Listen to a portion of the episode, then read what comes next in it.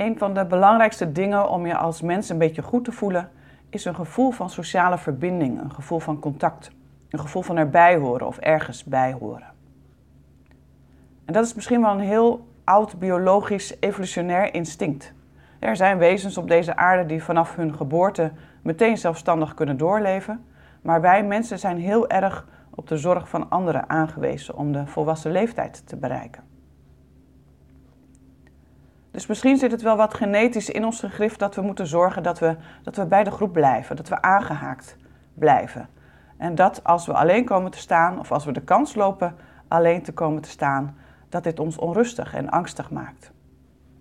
En je ziet het nu ook om je heen, of misschien merk je het zelf ook wel. Eerst hadden we zorg over toiletpapier, maar wat we het meeste missen nu zijn de contacten met onze vrienden en onze collega's. En dat gevoel van verbinding is precies dat.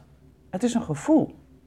Je kunt ergens bij horen zonder het gevoel te hebben dat je erbij hoort en andersom. Je kunt een huwelijkscontract ondertekend hebben, waardoor je feitelijk voor de wet bij je partner hoort, maar je toch heel alleen en eenzaam voelen in je relatie. Je kunt ook op een groot dansfeest staan of op een festival met duizenden andere mensen die je allemaal niet kent en je toch heel verbonden voelen met elkaar. Zoals je nu ook ziet met corona. Mensen die elkaar niet kennen gaan elkaar wel helpen. Omdat er een gevoel van verbondenheid ontstaat. Omdat we ons ineens beseffen dat we allemaal in hetzelfde schuitje zitten. En dat al die zaken waardoor we ons normaal gesproken van elkaar afscheiden, door leeftijd, geslacht, huidskleur, achtergrond, intelligentie, geld, noem maar op, dat blijkt ineens eigenlijk niet meer zoveel uit te maken. En als je onzeker bent, dan zoeken we vaak weer dat gevoel van verbinding op. Dan gaan we ons best doen om aan te haken bij een groep, zodat we in ieder geval weer veilig zijn. Dat is een heel oud overlevingsmechanisme. Binnen de groep ben je veilig. Maar en dat is even een dingetje. Je kunt je alleen maar echt verbonden voelen als jij je ware gezicht laat zien. je kunt je wel geweldig voordoen en iedereen kan heel blij met je zijn en je helemaal fantastisch vinden. Maar als jij weet dat het een masker is, dan voel je je achter je masker alsnog heel eenzaam en helemaal niet verbonden. Het gaat dus ook vooral om in hoeverre durf jij jezelf te zijn en jezelf te laten zien. En dat wordt weer bepaald door in hoeverre geloof jij dat jij er mag zijn? Dat je iets te bieden hebt, dat je van waarde bent en dat je ondanks je menselijke gekheden, die je vast ook zult hebben, want wie niet, dat je de ruimte mag innemen. Dat je je mening mag zeggen, dat je hulp mag vragen, een grens mag stellen, zonder dat je gelijk bang hoeft te zijn om uit de groep geknikkerd te worden. En dat noemen we moediger worden. En dat begint met bewustwording van je kwaliteiten en je positieve eigenschappen van die dingen die je in huis hebt, waar jouw waarde in zit. Dat waar je goed in bent, dat wat je aan het geheel kunt bijdragen. En als je iets wilt doen voor je zelfvertrouwen, dan doe dit. Neem een A4'tje. Neem een A4'tje en teken daarop een grote cirkel. En in die cirkel teken je een wat kleinere cirkel. Dus de grote cirkel is met een doorsnee van ongeveer de breedte van het A4 en de binnenste cirkel met een doorsnee van ongeveer 10 centimeter. Die binnenste cirkel, dat ben jij. Daar schrijf je al je vaardigheden en positieve eigenschappen op die je maar kunt bedenken. Vaardigheden en positieve eigenschappen van jou. Neem daar de komende week de tijd voor om die zo wat te verzamelen. En die buitenste cirkel, dat is je sociale kring. En schrijf daar alle namen op van mensen waarvan jij blij bent dat ze in jouw leven zijn. Of zijn geweest, dat mag ook. Als iemand overleden is, maar diegene heeft veel voor jou betekend, dan schrijf die naam er ook zeker op. Zo heb je een overzicht van jouw waarde, dat wat je te bieden hebt. En je hebt een overzicht van de mensen waar jij op kan terugvallen, mocht alles toch onverhoopt in het honderd lopen. Mensen die jou al lang kennen en waarvan je weet, die lopen niet zomaar gillend weg als ik een grens aangeef of om hulp vraag. Vanuit deze basis wordt het makkelijker om eens out of the box te gaan.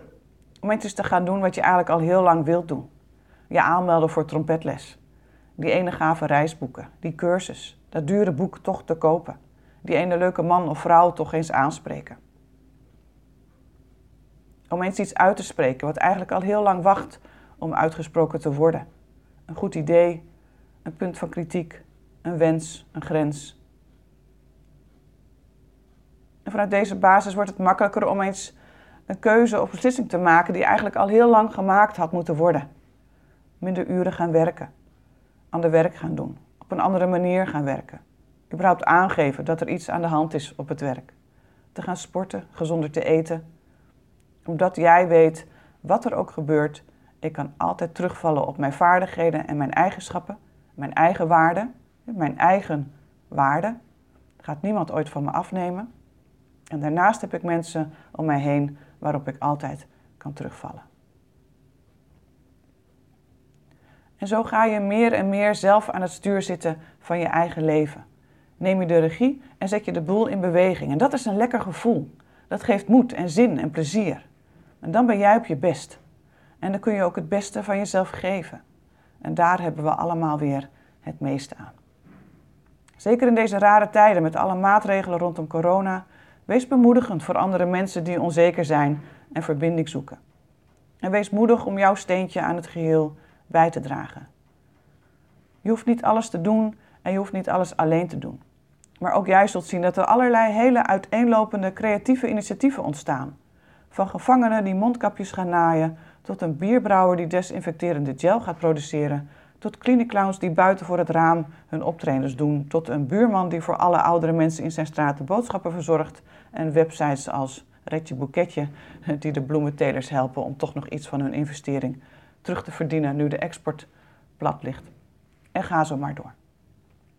Als er een tijd is waarop het overduidelijk is dat we allemaal, of we het nu leuk vinden of niet, met elkaar verbonden zijn en dat we allemaal, hoe verschillend we soms ook zijn, eigenlijk allemaal hetzelfde zijn, dan is het nu. Ik hoop dat je je, ondanks alle minder leuke kanten van deze tijd, je ook vooral laat inspireren. Want ook dit gaat voorbij en er ligt de wereld weer aan onze voeten. En wat nemen we dan mee van deze tijd? Blijf gezond, zorg goed voor elkaar, maar zeker ook voor jezelf.